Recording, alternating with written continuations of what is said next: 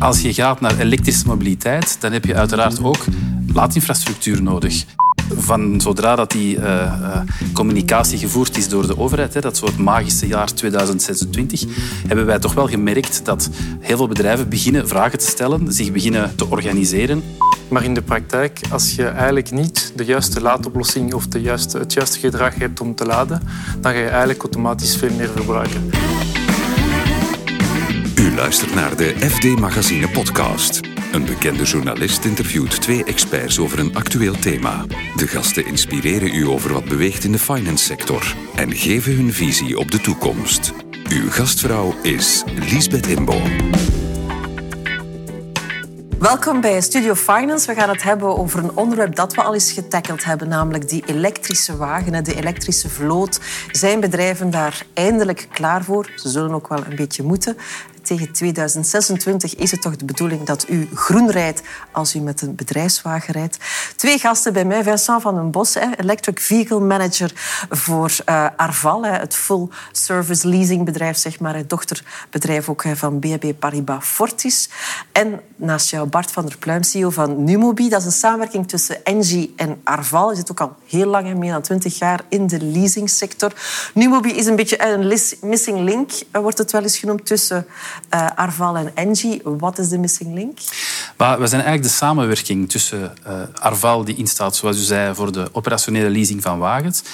Maar als je gaat naar elektrische mobiliteit, dan heb je uiteraard ook laadinfrastructuur nodig, installatie daarvan, een laadpas nodig om eventueel ook publiek te kunnen laden, een app om te zoeken waar dat al die publieke laadstations zijn en een overkoepelend platform om bijvoorbeeld de facturatie en de rapportering te doen. Dus inderdaad, Numobi is eigenlijk de link tussen Engie en Arval omdat we ervan overtuigd zijn dat de twee aparte bedrijven maar een stuk van de service voor die totale ontzorging kunnen bieden. En net om die twee te combineren, dat we ja, een unieke service kunnen bieden en helpen vooral uh, dat die bedrijven kunnen overgaan naar elektrische mobiliteit. En Vincent, heb je het gevoel dat inderdaad bedrijven daar nu helemaal klaar voor zijn om die groene switch te gaan maken? Mijn gevoel is dat, uh, dat we een heel belangrijke rol te spelen hebben met ondersteuning. Omdat ze inderdaad nog niet 100% klaar daarvoor zijn. Maar dat we de juiste oplossing en advies hebben om ze te ondersteunen in het uh, En waarom zijn ze nog niet klaar voor? Wat schrikt hen nog af? Omdat het eigenlijk uh, iets volledig nieuw is voor, voor bedrijven, ook voor gebruikers. dus het is vooral die, die change die heel belangrijk is, die verandering. Um, en dat is een van de redenen, de belangrijkste reden waarom dat ze niet voor klaar zijn. Um, ja, je rijdt eigenlijk niet met een elektrische wagen zoals je met een uh, diesel- of een benzinewagen rijdt. Dus er komen uh, heel wat uh, andere zaken bij te kijken. Ja. Maar we gaan wel moeten, hè. 2026, dat is eigenlijk morgen. Halen bedrijven dat? Zijn ze inderdaad al voldoende zich bewust van die uitdaging? Wel, we merken dat er toch een, een, enorme evolutie al is van zodra dat die uh, uh, communicatie gevoerd is door de overheid, hè, dat zo het magische jaar 2026, hebben wij toch wel gemerkt dat heel veel bedrijven beginnen vragen te stellen, zich beginnen te organiseren, contact opnemen met, met ons. Uh, ja, dus de, aan prospectie moeten we eigenlijk niet zo heel veel meer doen, want bedrijven hebben dus nu enorm veel vragen om klaar te zijn tegen 2026. Meestal beginnen ze met in kaart te brengen wat kunnen we bijvoorbeeld op onze eigen parking voor onze werknemers organiseren aan laadinfrastructuur. In een tweede instantie gaan ze dan plug-hybride plug of EV's bestellen, volledig elektrische voertuigen.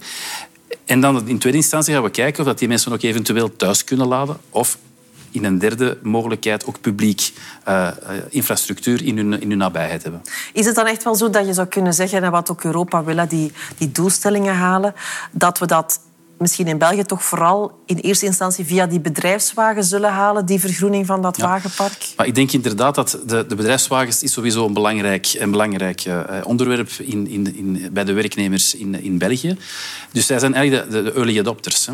En omdat we ook werken uh, naar een total cost of ownership, dus eigenlijk de totale kost van uw voertuig, uh, rekening houdend met verbruik, maar ook met de fiscaliteit, zie je dat er een evenwicht is. Dus bedrijven beginnen zich inderdaad vragen te stellen van kunnen we niet, is het niet voordeliger om onze kost onder controle of zelfs te laten zakken, um, uh, om te kiezen dan voor uh, elektrische voertuigen of plug-in hybrides. Dus zij zijn echt de early adopters. Het wordt zelfs in de zogezegde war on talent wordt dat echt ook gebruikt om dat te kunnen voorstellen aan, aan ja. nieuwe jonge werknemers. Is het dan zo, als ik het dan omdraai, um, Vincent, dat je zegt van... Stel dat die beslissingen nu niet zou geweest zijn van ons land of de druk van Europa, dat bedrijven daar eigenlijk niet staan om te springen om die switch te maken. Men doet het omdat het moet en het fiscaal interessant is. Ja, ik denk dat dat eigenlijk met elke verandering zo is. Dat, ehm, dat bedrijven um, zich willen focussen op hun core business. En um, wat, wat we nu merken is dat ze eigenlijk ja, die ondersteuning nodig hebben om die stap te kunnen zetten naar iets anders. Ehm, naar vernieuwing en naar eh, andere alternatieven. En we, weten ook al, allemaal hier rond de tafel dat technologie evolueert zo vaak dat we eigenlijk ehm, binnen, binnen een paar jaar sowieso geen ondersteuning meer nodig hebben van uh, fiscaliteit of dergelijke. De wagen van morgen is eigenlijk een elektrische wagen of zelfs meer een uh, waterstofwagen. Als ik bijvoorbeeld mag aanvullen met wat er vorig jaar in Nederland gebeurd is. ik denk in 2019 was het Tesla 3 een van de meest verkochte voertuigen in heel de wereld, hè, maar dan in Nederland. Alleen enkel in Nederland. Hoe kwam dat? Fiscale maatregelen. Het jaar daarop, 2020, is die fiscale maatregel gestopt en ook de verkoop van Tesla 3 in Nederland is terug tot normale uh, hoogtes gekomen. Dus ja, om die verandering door te voeren, hebben we toch een beetje de overheid nodig om dat fiscaal te stimuleren en ons daarin te helpen. Is dat een goede beslissing geweest om inderdaad uh, die elektrische wagen fiscaal uh, aftrekbaar te maken en moeilijker te gaan doen over bijvoorbeeld hè, de, de, een aantal hybride modellen en dergelijke meer, om dat toch minder aantrekkelijk te maken? Maar vandaag, uh, als we willen komen tot een CO2-neutrale wereld, hè, ja, dan moeten we uiteraard kiezen in die end voor het volledig elektrisch voertuig. Natuurlijk zijn er een aantal modellen geïntroduceerd geweest die op het randje balanceerden van eigenlijk een volledig elektrisch of dieselvoertuig, maar doordat ze een kleine batterij hadden, dat ze toch als plug-in hybride werden beschouwd. Maar eigenlijk was dat een, een fiscaal nu voertuig. Nu worden dat valse hybrides genoemd. Voilà. Dus Dan word je daar eigenlijk fiscaal voor afgestraft. Ja, maar als je nu de nieuwe gelanceerde modellen ziet, uh, bijna van alle merken, ja, die hebben een CO2-uitstoot die zodanig laag is dat die wel als volledig plug-in hybride voertuig uh, worden beschouwd en eigenlijk worden gelijkgesteld in de meeste gevallen dan een volledig elektrisch voertuig. En merk je toch dat men dan toch nog liever voor plug-ins, hybrides kiest, om, omdat we nu eenmaal denken dat die is makkelijker, want dat benzinestation dat vinden we wel op elke hoek van de straat. Dat is uh, inderdaad uh, een van de argumenten dat mensen uh, aankaarten wanneer we over elektrische wagen praten. Is van ja, maar wat ga ik doen die moment dat ik op vakantie moet gaan of een lange rit moet doen? Dan denken ze meteen aan die hybride technologie. Op zich ligt dat heel mooi op papier, maar in de praktijk, als je eigenlijk niet de juiste laadoplossing of de juiste, het juiste gedrag hebt om te laden, dan ga je eigenlijk automatisch veel meer verbruiken. En dan sta je inderdaad als, als bedrijf met verrassingen. Dus eigenlijk moet je met de hybride toch nog zorgen dat je voldoende elektrisch rijdt. Daar komt het eigenlijk Absoluut, absoluut. Want ten eerste, om terug te gaan... want het argument is eigenlijk is het bereik van een elektrisch voertuig voldoende Dat hoor je toch altijd van... Ja. ja dan dus- moet ik beginnen plannen en ik wil gewoon mijn wagen kunnen nemen. Dat klopt. Maar als je de nieuwste voertuigen beschouwt, dan zie je altijd dat er toch tot 400 kilometer altijd gegarandeerd wordt in de nieuwe normering WLTP, dat je 400 kilometer altijd bereik hebt. Dus 98 procent van uw verplaatsingen zijn geen enkel probleem. Het is zoals Vincent zegt, als je gaat op vakantie, maar dan weer met een klein beetje planning, kan je direct de snellaadtoestellen vinden om toch vrij eenvoudig op je bestemming te komen. Een plug-in hybride heeft twee technologieën. Ehm, dus als je niet gedisciplineerd genoeg bent en je zou eigenlijk niet laden en je zou enkel op diesel of benzine gaan rijden, dan is het verbruik natuurlijk een pak hoger en komt uw totale kost, uw zogenaamde, zogenaamde TCO, komt dan, eh, of kan dan in gevaar komen. Ja. Dus plug-in hybride geeft, heeft aan de ene kant wel... Ja, maar je kan toch nog altijd lekker verder rijden. Maar aan de andere kant moet je wel gedisciplineerd zijn om dat toch te laden. En dan komen we natuurlijk bij dat laden. Ik las in de krant, tegen 2030 hebben we 150.000 laadpalen nodig. En vandaag, 2021, zitten we op 8500 ja, dan uh, denk ik ook als ik dat aanschaf, van, dat is misschien niet zo evident om hem overal te kunnen opladen. Ja. dus vandaag is samen met Arval, als wij uh, uh, klanten ontvangen of naar klanten gaan, proberen we altijd eerst ervoor te zorgen dat er infrastructuur is op de parking en bij mensen thuis, daar waar het kan. Hè. Want het is niet altijd overal mogelijk. Iemand die in een bepaalde woning of op een appartement zonder garage woont, kan geen thuisinfrastructuur plaatsen. Een derde optie is dat we inderdaad die laadpas meegeven, die uh, bereik geeft aan meer dan 160.000 palen in Europa. Dat zijn ze eigenlijk quasi bijna allemaal. Hè. Uh, maar dat geeft natuurlijk alleen maar een oplossing als er ook in de straat voldoende laadpalen aanwezig zijn. En daar hebben we een tweede oproep naar de overheid, dat zij ons zeker daar ook moeten helpen. Want wij kunnen natuurlijk wel ontzorgen en zoveel mogelijk bedrijven en bestuurders helpen. Maar voor zij die het niet kunnen plaatsen, moet er dus publiek absoluut van 8 naar 150.000 nog wel een weg afgelegd worden. Ja. En natuurlijk, ik kan me inbeelden dat het ook voor alle bedrijven niet evident is om ervoor te zorgen dat iedereen altijd maar kan laden. Ja, inderdaad. Uh, het is ook zo dat, uh, dat de mensen nu hun gedrag moeten gaan aanpassen en niet meer zoals een, uh, een, een, traditionele brandstofwagen gaan, gaan denken dat ze eigenlijk gaan moeten gaan tanken wanneer het volledig leeg is.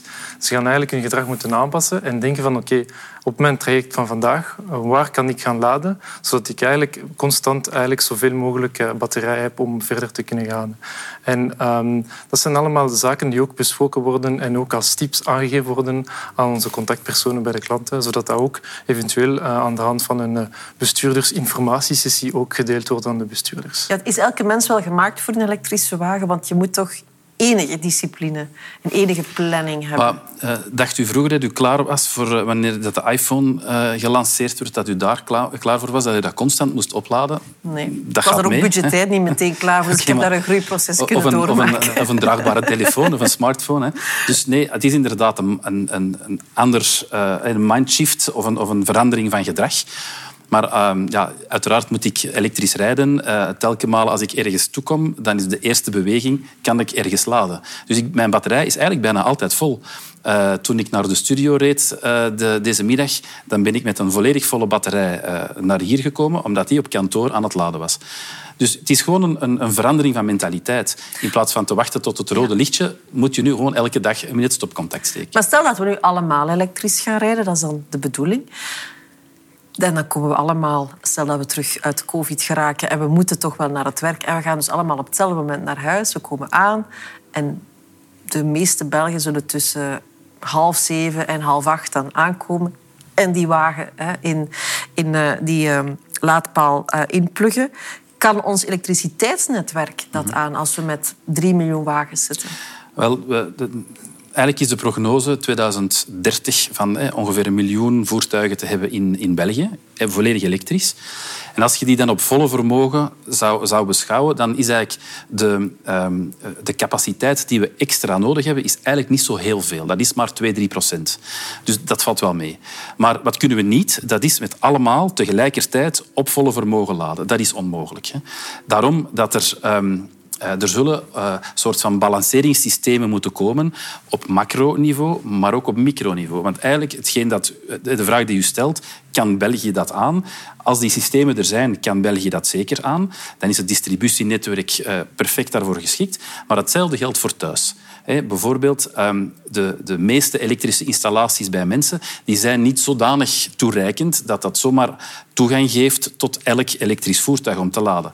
Dus ook thuis kan er heel makkelijk hetgeen dat ze noemen dynamic load balancing, dus op een dynamische manier uw woning aan energie voorzien of uw voertuig in de installaties die we, die we samen doen met Arval, stellen we dat ook altijd voor, zodanig dat er geen verzwaringen moeten aangevraagd worden, dat er geen extra kosten van terugleidingen trekken, et cetera, moeten gemaakt worden. Maar dat je eigenlijk al op microniveau hetzelfde gaat doen dan op Belgisch niveau. Ja, ik kan me wel inbeelden dat het toch nog altijd niet voor iedereen toegankelijk is. Ik bedoel, het hangt er inderdaad ook van af uh, waar je woont, hoe je woont. Uh, zeker als je als we het nu loskoppelen van de bedrijfswagen, maar toekoer de elektrische wagen. Voor veel mensen die dit zullen horen, zullen zeggen, ja, maar ik moet een laadpaal hebben, een oprit hebben. Die wagen kost ook al meer als ik die aanschaf. Dat is niet voor mij weggelegd, zoals die iPhone voor velen ook niet weggelegd is. Inderdaad, vandaar dat we ook adviseren om te altijd te gaan kijken naar het profiel van de, van de persoon in kwestie die uh, een nieuwe wagen moet, uh, moet gaan selecteren. Omdat we er inderdaad van bewust zijn dat uh, vandaag niet iedereen onder, 100% er klaar voor is of de juiste laadoplossing zal, zal hebben hebben. Maar we zijn ervan overtuigd dat er nu al reeds een groot aandeel van de bevolking die klaar is om elektrisch te rijden. En een van de manieren om te weten of je er klaar voor bent, is ook het effectief elektrisch rijden te gaan testen. Dat zijn zaken die um, Ehm, als we gaan kijken naar uh, statistieken, mensen die ermee gereden hebben, 80% daarvan willen niet meer terug naar achter. Dus dat is ook een belangrijke factor in de, in de evolutie van het elektrisch rijden. Dat is die kennis die er vandaag nog te weinig is en die rijervaring die ook uh, verbeterd moet. Geloof je ook dat, dat het ook voor iedereen bereikbaar wordt, als in ook financieel? Want je kan wel kijken naar de total cost of ownership, maar in de beginnen moet je wel een wagen aanschaffen en moet je dat betalen. Ja, dat is eigenlijk een verschil dat je maakt. Hè. Dus de, de bedrijfswagen die wordt geleased. Hè. En we, uh, ze merken ook, of de markt merkt ook, dat eigenlijk de wagens die terugkomen, dat die toch een betere restwaarde hebben dan initieel eigenlijk gedacht. Waardoor dat dus voor het bedrijf leasingstuk, die TCO, eigenlijk onder controle kan zijn. Natuurlijk, een, eh, een privépersoon die moet eh, al dan niet via een financiering, maar die moet die wagen gewoon aankopen. Hè. En we merken dat vandaag de constructeurs eigenlijk van boven in de segmenten naar onder zijn gegaan uh, of aan het gaan zijn nog altijd. En ook dat die prijzen toch nog altijd aan de dure kant zijn. Maar als je uh, ook dat weer een klein beetje loskoppelt en je ziet wat de kost per kilowattuur batterij, wat eigenlijk de duurste component is van het voertuig, hoe stijl dat die aan het, aan het zakken is, dan evolueren we en sneller en sneller naar uh, ja, toch uh, uh, wagens die, die absoluut qua prijs wel in orde zijn en, en bereikbaar zijn eigenlijk voor het grote publiek. Wij hebben ingeschat dat de, de bedrijfsmarkt die is nu begonnen. Hè, die, is, die is stelselmatig echt aan het stijgen. Zeker als we het vergelijken met 2020. Maar de echte private markt die zal pas binnen één of twee jaar, als die prijzen veel democratischer zijn geworden. Ja. Overheid speelt denk ik een cruciale rol. En niet alleen in doelstellingen, maar inderdaad ook zorgen dat er laadinfrastructuur is en dergelijke meer. Op dit moment doen ze ook zorgen ervoor, zorgen ze ervoor dat het fiscaal aantrekkelijk is. Maar natuurlijk, ik kan me inbeelden, zoals zo vaak, dat men dat in beginfases fiscaal aantrekkelijk maakt. Maar op een dag zullen ook de accijnzen ergens gecompenseerd moeten worden. En de overheid heeft altijd te weinig geld. Dus zal het misschien ook niet meer zo interessant worden. Maar ik veronderstel dat ze, uh, de overheid moet ook hun CO2-normen halen. Er zijn ook de doelstellingen in Parijs, et cetera, die ze als overheid willen halen. En transport is daar een, in, in, in zijn globaliteit een heel belangrijk stuk van. Hè. Ik denk dat er bijna 28 procent van de CO2 komt daaruit. Dus ik denk dat um, de overheid vandaag het absoluut uh, een, een boodschap moet brengen om elektrische voertuigen of plug-in hybrides te stimuleren. Maar we zijn er ons uiteraard wel van bewust dat als we vijf, zes, ik weet niet hoeveel jaar verder kijken, dat zij ook een, de evolutie van dat effect op een of andere manier zullen vertaald zien in misschien andere taxen of andere belastingen die zullen bijkomen. Ze zullen er iets op vinden. Ja. Um, we zijn nu al de hele tijd bezig over de, de echt 100% elektrische wagen. Je hoort ook wel dat er ook onderzoek wordt gedaan en ook al initiatieven zijn richting groene gas richting waterstofwagens. Zijn dat ook inderdaad pistes om te bekijken? Zeker en vast. Eh, we zijn nu al vooral eh, bezig met eh, waterstof. We zijn daar ook al naar aan het kijken. Waarom? Omdat waterstoftechnologie ook een variant is van een elektrische wagen, waar uw elektrische motor aangedreven wordt door waterstof. Um, nu, we merken ook dat, dat we daar ook nog niet 100% klaar voor zijn in België Um, er zijn nog maar twee of drie stations om te kunnen laden, dus infrastructuur gaat ook hier uh, moeten volgen. En ook ja, aanbod op de markt. Er zijn uh, maar twee modellen beschikbaar. Waar we, merken eigenlijk dat dat heel gevoelig is in België, uh, waar we ook heel veel premium of Duitse merken gemindset in, in België. Wat maakt dat de mensen daar nog niet gaan naar kijken. Maar het is zeker en vast een, een, een optie naar, de toekomst toe. Dus we zijn daar volop mee bezig. Ja. Ik vraag mij wel af, we zijn al de hele tijd bezig over bedrijfswagens. Um, zullen we over tien jaar, pakweg, nog altijd over de bedrijfswagen praten? Want er wordt toch meer en meer gezegd dat we daar ook toekoer van af moeten. Maar ik denk dat het sowieso een, een, een combinatie is van multimodaliteit. Als je vandaag een bepaalde verplaatsing moet doen, moet je als werkgever en als werknemer denk ik u afvragen hoe ga ik die verplaatsing maken. Ik denk in België dat daar de auto nog altijd wel een bepaalde rol en een belangrijke rol zal spelen. Maar dat de fiets, uh, zeker ook in leasingwereld, heeft die een enorme stijging gekend. Zeker de elektrische fiets. Absoluut, hè, absoluut. Maar ook uh, fenomenen als carsharing worden, worden uh, absoluut wel gestimuleerd. Nu, die zijn nog niet gigantisch groot in omvang, maar toch, het maakt een onderdeel uit. Hè. Ik denk dat er eventueel wel een echte revolutie zou kunnen komen als de volledige zelfrijdende wagen zou op de markt worden gebracht. Nu, dat is niet voor morgen. Hè die technologie in een beperkte, uh, beschermde omgeving bestaat al. Maar de wetgeving is niet klaar. Ehm, de, de, verkeersregels moeten misschien ook aangepast worden. De infrastructuur is daar niet klaar voor. Dus we zijn daar nog wel even vanaf. Maar dat zou eventueel wel een revolutie kunnen zijn. Maar ik ben ervan overtuigd dat partijen zoals Arval daar nog altijd een rol in zullen spelen. Want ook die wagens moeten onderhouden worden en moeten verzekerd zijn en moeten gefinancierd worden, et cetera. Ja. ja. inderdaad. Ik kan dat ook eh, nog maar eh, toevoegen. Dat uh, bij aanwervingen het ook nog altijd heel belangrijk is om een wagen te kunnen aanbieden aan de de jonge generatie. Ook aan jonge mensen, want men zegt wel eens dat zij daar veel minder mee bezig zijn. Dus er wordt nog steeds naar gekeken naar de toekomst toe. Gaat die misschien een kleinere wagen zijn dan wat je vandaag hebt? En um, in combinatie dan met, uh, met die alternatieve mobiliteit. Oké, okay. zeer benieuwd inderdaad wat de toekomst brengt. Mag ik u alle twee hartelijk danken. Dank je wel.